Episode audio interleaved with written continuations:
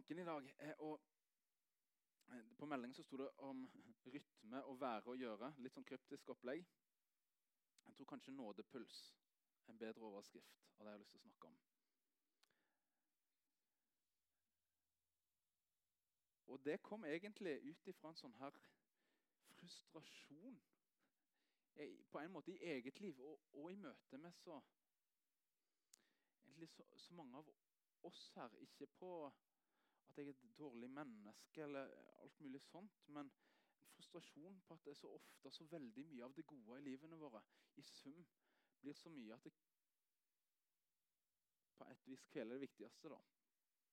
At finner ikke helt en god rytme så gir det liv og overskuddet som jeg tror Gud vil gi oss. Så jeg har lyst til å bruke noen minutter og snakke om det i dag.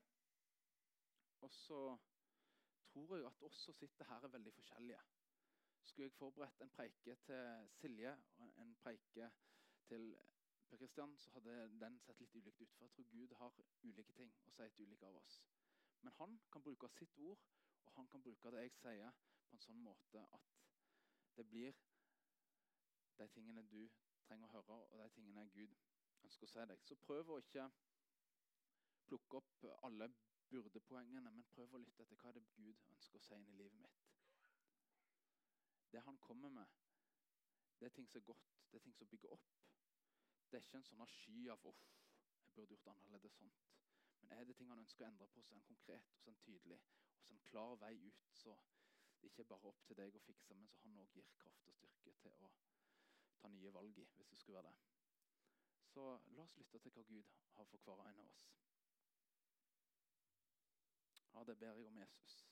La oss få være åpen, både jeg her og oss i salen, for det du vil gi.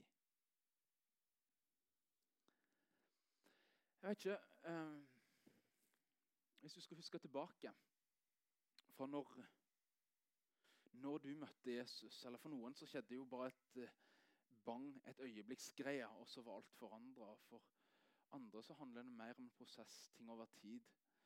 Kanskje over mange år. Um,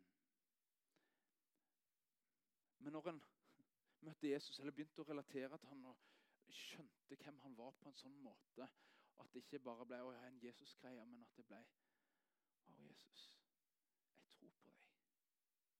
Jesus, jeg er glad i deg. Jesus, jeg har lyst til å følge deg. Jeg har lyst til å være en del av din familie.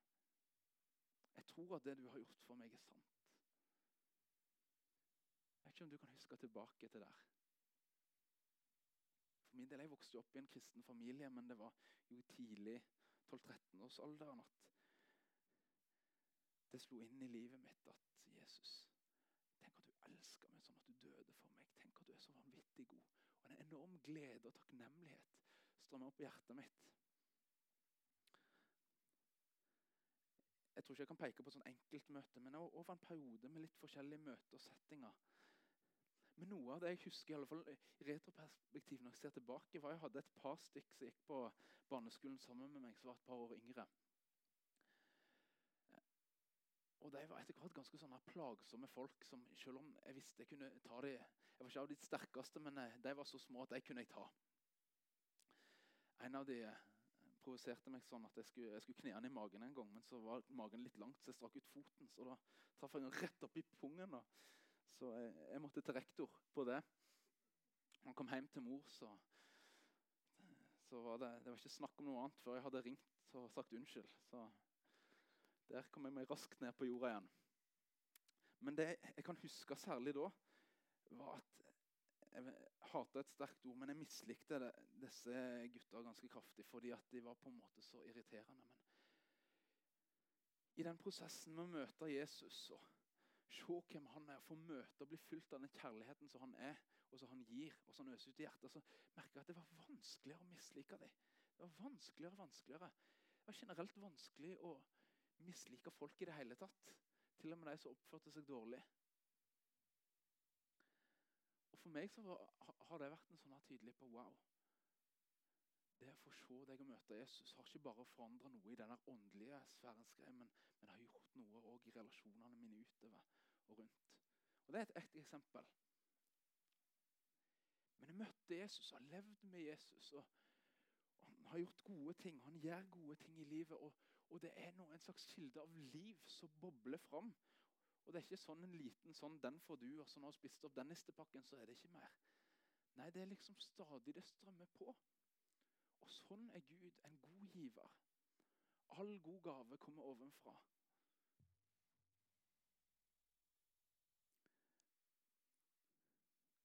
På mange måter er en skatt jeg ga meg til. Du har denne lignelsen Jesus forteller om denne skatten som man finner i åkeren. Og når han finner den skatten, så går han hjem og så selger han alt han eier. For å kjøpe denne åkeren, for han skjønner at denne skatten er mer verdifull enn alt han har. Det ser ikke ut som mannen grein mye mens han solgte alt han eide. Det ser ikke ut som han sleit med det, for han skjønte at det han funnet var mye mer verdifullt. Jeg kan huske for, for min del i møte med Jesus og det å si ja, Jesus, jeg vil leve for deg. Det opplevdes ikke som en heftig kostnad, for jeg syns at det han var, og det jeg fikk i møte med han, var så mye større. Det var så mye bedre.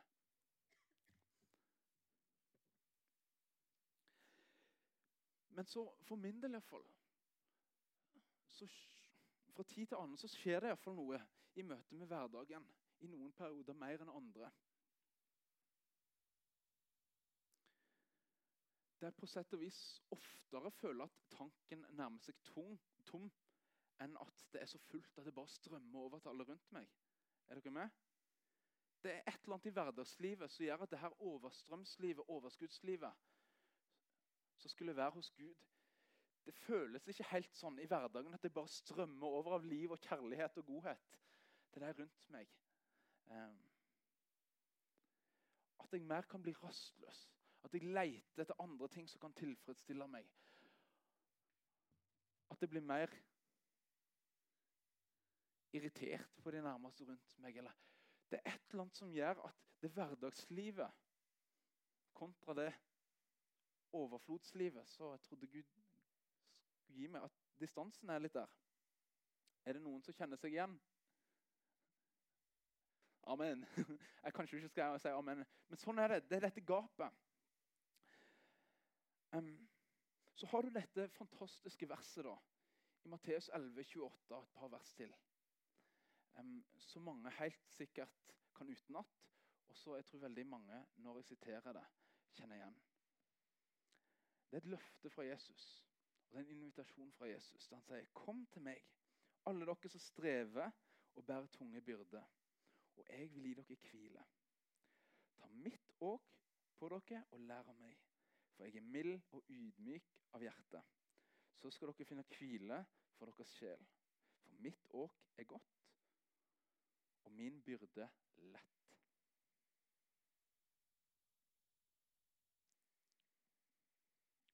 Og for de som ikke er klar over det her, er på en måte eh, et symbol for Jesu lære for den livsstilen Jesus kommer på en måte. Kom og gå med meg. Kom og lær å leve med meg. Og det fins en engelsk oversettelse som heter 'The Message'. Det er på en måte både en oversettelse og en tolkning. Men prøver å gjøre en del av de tingene som kanskje er litt vanskelig tilgjengelig, litt mer tilgjengelig for oss. Og akkurat her så syns jeg den er veldig fin. Og den sier det sånn Are you tired, worn out, burned out on religion? Come to me. Get away with me, and you'll recover your life. I'll show you how to take a real rest. Walk with me and work with me. Watch how I do it. Learn the unforced rhythms of grace. I won't lay anything heavy or ill fitting on you. Keep company with me, and you'll learn to live freely and lightly.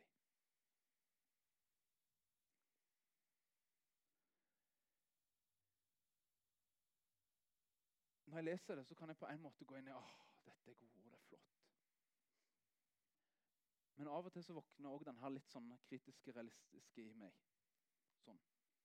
Det høres jo unektelig utrolig bra ut. Men stemmer det? er det sant at Jesus gir det her?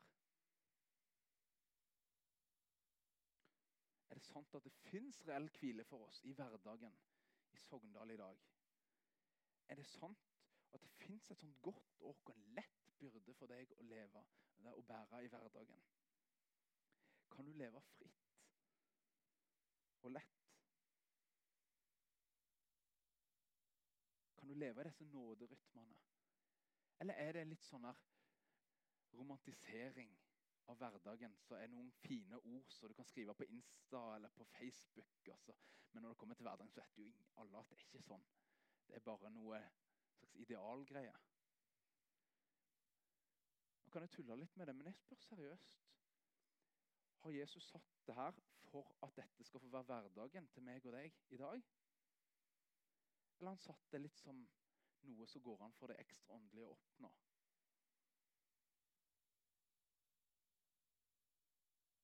Fins det sånn hvile? Fins det et liv så lett og godt for oss?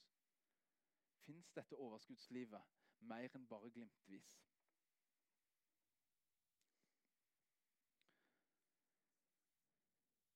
Eller er det bare et luftslott? Er det Jesus og noen av deg som klarer det også? For oss andre så må vi streve og slite og stadig gå på en smell og alt det der. Det er spenningen jeg har lyst til å se litt på. For jeg tror at det er sant. Jeg tror at det fins sann hvile å leve ut ifra. Jeg tror at det fins et godt åk for deg og for meg i hverdagen. Så må vi finne ut hvordan. Hva er gapet for noe, da. Når Jesus inviterer oss til å komme og følge han, så tenker jeg det er bra å se litt på hva han holder på med. Og du kunne gått gjennom evangeliene og funnet veldig mye av hvordan, hva var dette åket Jesus levde i, den læren han lærte. Hvordan var hverdagsrytmen til Jesus? Hva var det han prioriterte å gjøre og ikke? Og du kan gå, finne ganske mye lærdom, som vi skal ha ganske mange preikener for å pakke ut. Men jeg har lyst til å dra fram én ting som jeg tror er sånn crucial point for meg og for, mm, og for deg. Og Det er en sånn rød tråd som går gjennom alt, uansett hva evangelium du leser, og hvor du er med Jesus. Og det er det at Jesus han levde ut fra noe veldig viktig. Han levde ut fra en relasjon som var viktigere enn alle andre relasjoner. Og det var relasjonen til far. Han levde ut fra den relasjonen. Han var ikke alltid alene med far. Han var ofte rundt folk, og det var ofte mye greier. Men allikevel så la han opp livet sitt på en måte, til og med som en offentlig person, med mye styr rundt seg. Antageligvis mer styr enn det noen av oss opplever. Så klarte han å legge opp livet sitt på en sånn måte at han klarte å leve i den relasjonen. På en sånn måte at han drog ut glede, identitet, nærhet, liv derifra. Lukas bemerker en plass at Jesus han trakk seg ofte tilbake til ensomme steder for å be. Nå vet jeg ikke eksakt hvordan Jesus bedde, selv om han lærte oss Fader vår det her. Men jeg tror ikke da at Jesus dro opp denne enorme lista som bare skulle jobbe seg gjennom for han sprang til de viktige tingene. Jeg tror han var sammen med pappa. Det var sikkert ganger de prata mye, og det var sikkert ganger de var helt stille sammen. Men han, var, han, han trakk seg ofte til ensomme steder. Mange i vår kultur her frykter ensomheten litt.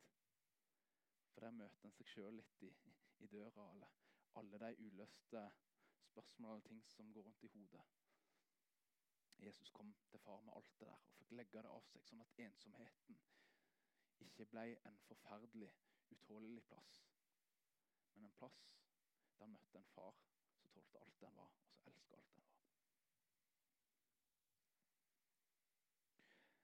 Det andre som er litt artig, jeg ser det særlig i Johannes 5, når Jesus kom i en diskusjon med noen av de skriftlærde, der han nettopp har helbredet en kar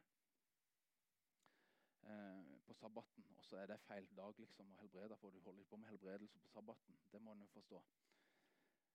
Eh, så sier han det at Sønnen gjør bare det han ser far gjør. Det syns jeg er interessant. For det Jesus gjør,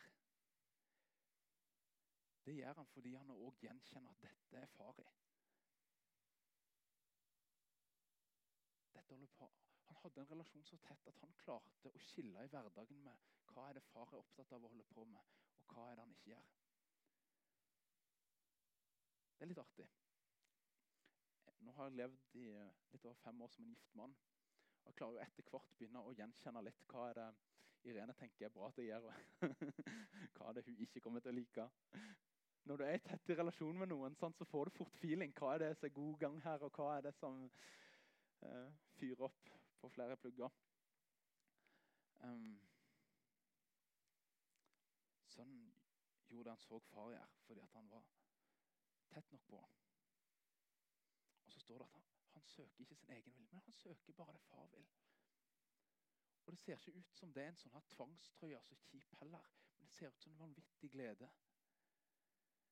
Lydighet er jo ofte et litt sånn negativt ord i vår kultur, der vi verdsetter individuell frihet overalt. Men det ser ut som Jesus frivillig var lydig, og at han elska det.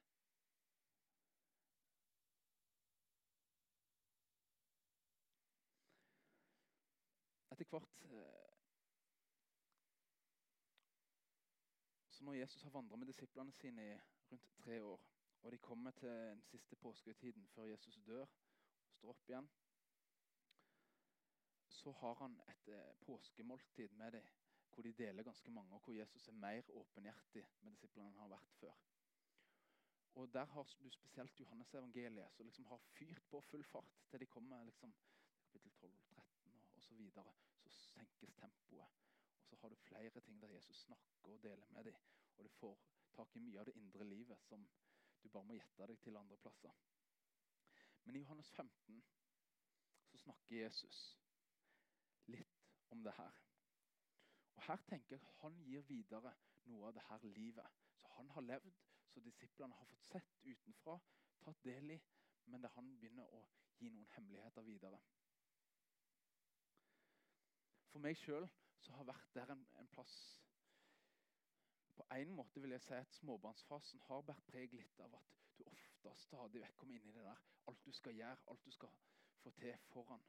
Det å virkelig være til stede i de relasjonene. Først Gud, og så kone og familie osv. Så, så, så er det en plass der jeg måtte ha lest og vært om og om og om, om, og om igjen. Og la Gud få jobbe med hjertet mitt, sånn at jeg forstår at det begynner med relasjon. Jeg leser noen vers.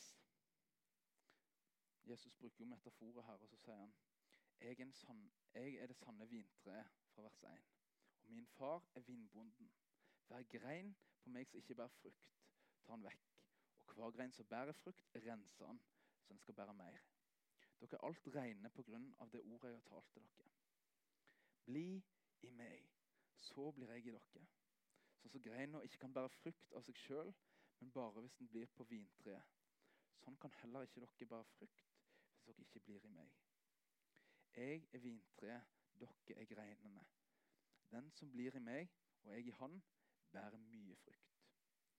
For uten meg kan dere ingenting gjøre. Den som ikke blir i meg, blir kasta utenfor som en grein og visner. Og greinene blir samla sammen og kasta på ilden, og de brenner. Hvis dere blir i meg, og mine ord blir i dere, be da om hva dere vil, og dere skal få det. For ved dette blir min far æra. Dere bærer mye frukt og blir mine disipler.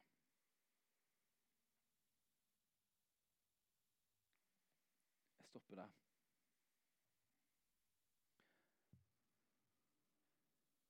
I denne teksten så snakker Jesus om å bli i Han.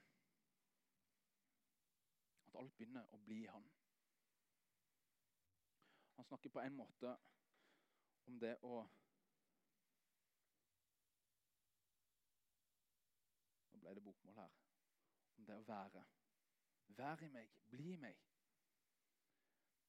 På en måte så høres det ikke så fryktelig fruktbart ut. Eller hva får du ut av det? Bare bli. Hva skal jeg gjøre? Hva skal, hva skal, jeg, hva skal jeg fikse, Jesus? Nei, bare bli meg. Ja, men det er jo masse viktige greier her. Hva? Bare sett meg til et eller annet. Nei. Bli i meg. Det er en slags tilstand, en væren. Noe å være i.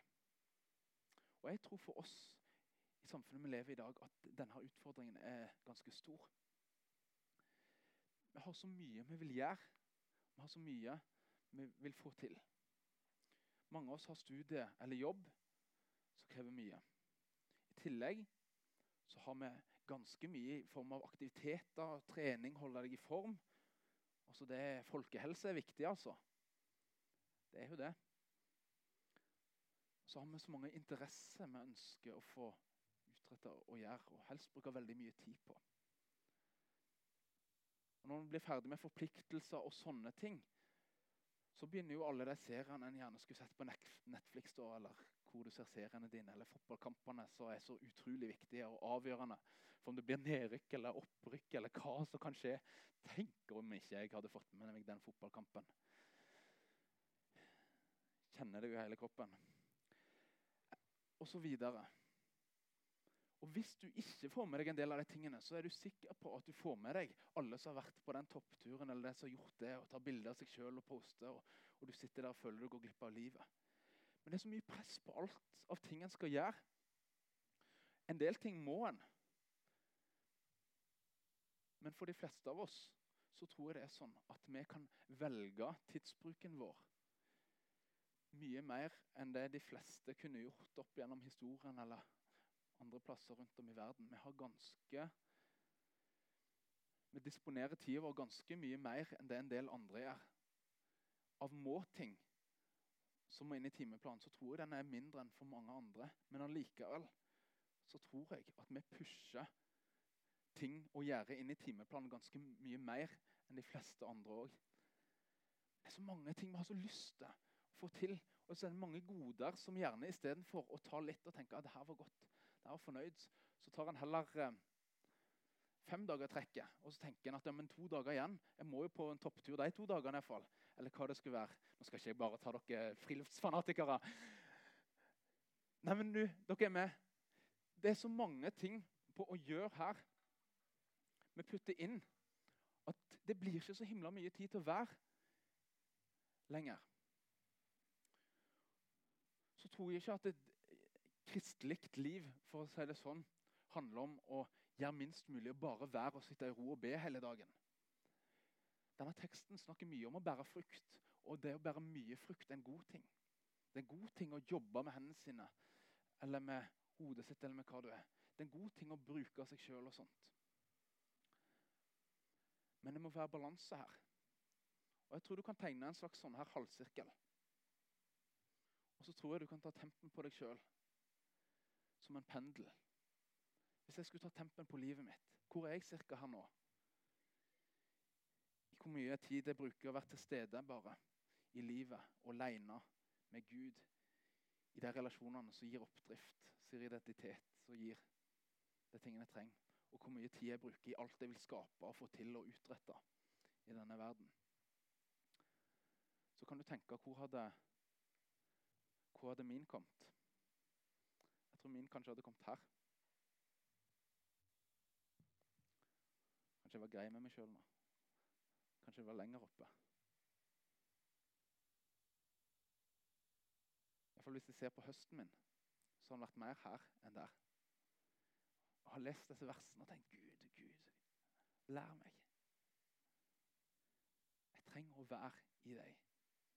For det som er så avslørende, da, at hvis du vil bære frukt hvis du vil at livet ditt skal bety noe, så er denne teksten ganske brutalt ærlig på at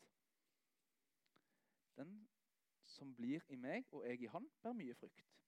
For uten meg kan dere ingenting gjøre.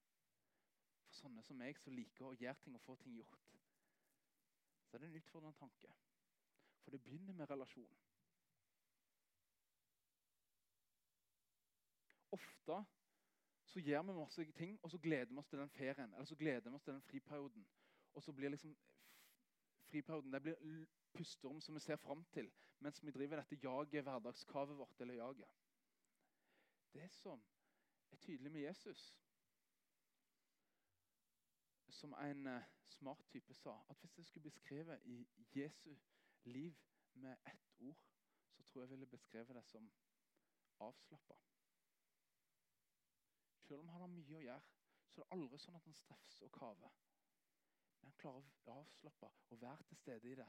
Til og med i store folkemengder så ser han enkeltpersoner. og Klarer å være så avslappa og så til stede at det går an. Og det tror jeg er fordi at mens veldig mange av oss kjører på, og så får vi noen pustepauser og elsker deg for alt det er verdt, og så kjører vi på igjen, så tenker Jesus motsatt. Han hviler først. Han er først i fars nærhet. Og så går han ut, og så tjener han, så jobber han, og så gjør han det han skal. Han arbeider ut ifra hvile. Han har en slags nådepuls, han har en slags plass for å være i å leve ut ifra seg godt, så fint. Og Så hender det at Jesus har mye å gjøre. At han har nettet med lite søvn og alt det der. Men allikevel så klarer han å gjøre det han skal ut ifra en hvile. Og ikke bare haste i vei, og så av og til få puste litt, eller få sove litt, eller få slappe av litt, og så ut igjen.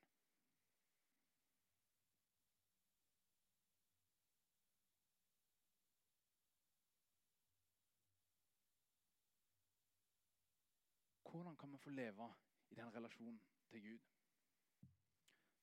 Jeg tror det fins en nådepuls, en rytme for deg. Og Mest sannsynlig så er den ikke helt lik den som sitter ved siden av deg. For dere som liker musikk, og som er glad i variert musikk, så er det himla mange forskjellige rytmer i musikkverden. Fra jazz så er litt mer sånn fri, og plutselig er nærmest et crescendo der, og så rolig igjen der. og til litt mer sånn her drivende rock som har driv og punch hele veien. Men jeg tror vi som mennesker er ulike. Og hvordan å være i dette været er forskjellig. Noen av oss trenger mye alenetid og er mer introverte av oss. Noen er mer ekstroverte og trenger å gjøre ting og trenger å være sammen med flere folk og hvile i det òg. Men hvor er de nådepunktene i ditt liv hvor du merker at jeg får møte Jesus? Jeg får være sammen med far. Nå kjenner jeg at det her er, er positivt for relasjonen. Nå opplever jeg nærhet i relasjonen. Jeg tror ordet er viktig på et eller annet vis. Noen er veldig gode med systematisk bibellesning, andre får det aldri til. Skal du sette deg nye mål på det i år, så sett det litt lavt. Sånn at du kan få oppleve at det, det funker, det du gjør. Jeg har en kompis med dysleksi som kom tilbake til Gud opplevde det var fantastisk godt. Men, men, men klarte bare ikke å sitte ned med Bibelen. Men han søkte inn til Gud, og han begynte å drømme av Bibelen. Gud var så nådig med ham. Så om det skulle være dysleksi eller andre ting som stopper deg, så er Gud nådig. Søk han. Det står Den som sier at grace Altså, nåde er ikke en motsetning av det å eh, forsøke, men nåde er motsetning av å fortjene. Han gir oss kraft til han, han gir oss det vi trenger til å prøve. Og så ikke sett målet for høyt. Om det er å være i bønn, da. Om det er Jeg tror at det er viktig å prate med Gud alene av og til. Og så tror jeg òg det er en vanvittig god hjelp å prate med, sammen med Gud, be til Gud sammen med folk. Eh, og særlig med folk som kjenner deg og som stoler på deg. der en sammen kan være litt eh, åpen og snakke litt åpent om òg sårbare ting med hverandre og med Gud. Om det er lettest å be når du går tur, jeg syns det er en god måte å be på. Eller om det er når du sitter i ro i en god stol med en kaffekopp, eller kanskje begge deler. eller Finn din måte, men jeg tror det er en god plass. Men finn nådepunktene, og la det være ofte nok og lenge nok de gangene det er til at du merker at det er en relasjon du klarer å være nærværende i. Er, Gud han er der allerede. Når vi føler Gud er fjern, så er det som regel fordi at vi er ikke helt til stede i eget liv. Det er i hvert fall sånn jeg merker det.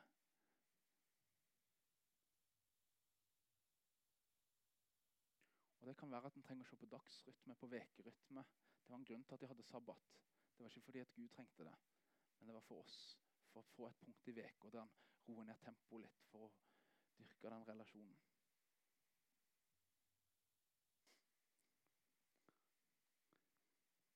Philadelphia-kirken skrev en sang som heter 'Nådepuls'.